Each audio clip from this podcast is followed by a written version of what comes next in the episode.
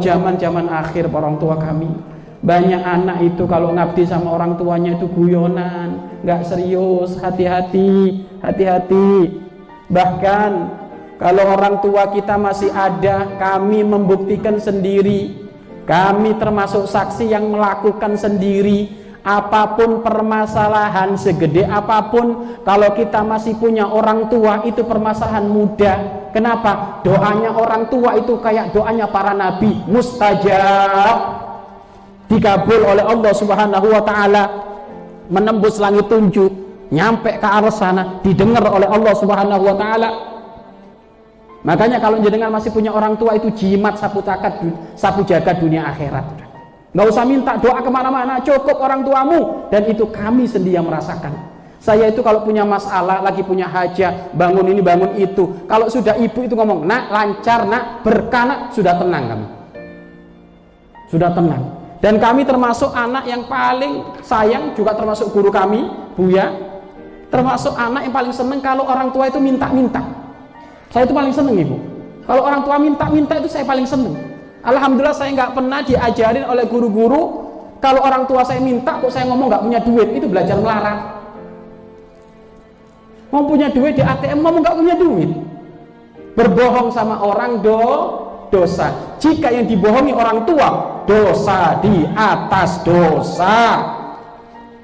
Kalau memang kita duit kita pas-pasan lah kok orang tua kita minta kepada kita?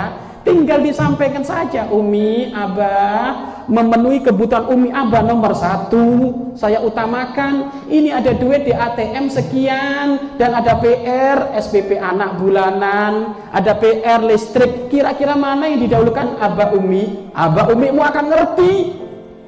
Ya dahulukan kebutuhanmu lah kebutuhan Abah Umi mudah-mudahan bulan depan ada rezeki. Pasti ngomong kayak gitu. Tapi kenapa kok bohong?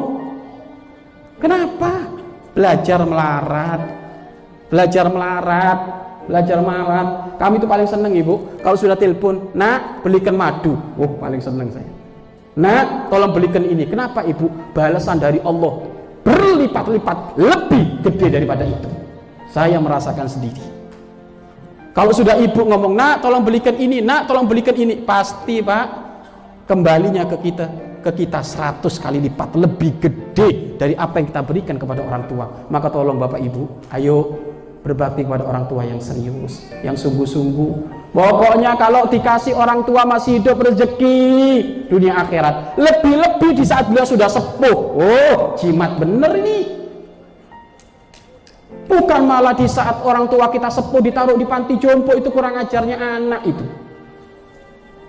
Mungkin anaknya seorang pembisnis, kantoran, sehingga jarang pulang ke rumah. Orang tuanya sudah sepuh, kulitnya keriput, tubuhnya sudah mulai membungkuk, berjalan tertatih-tatih, nggak bisa ngomong. Kenapa? Oh, akhirnya setiap hari.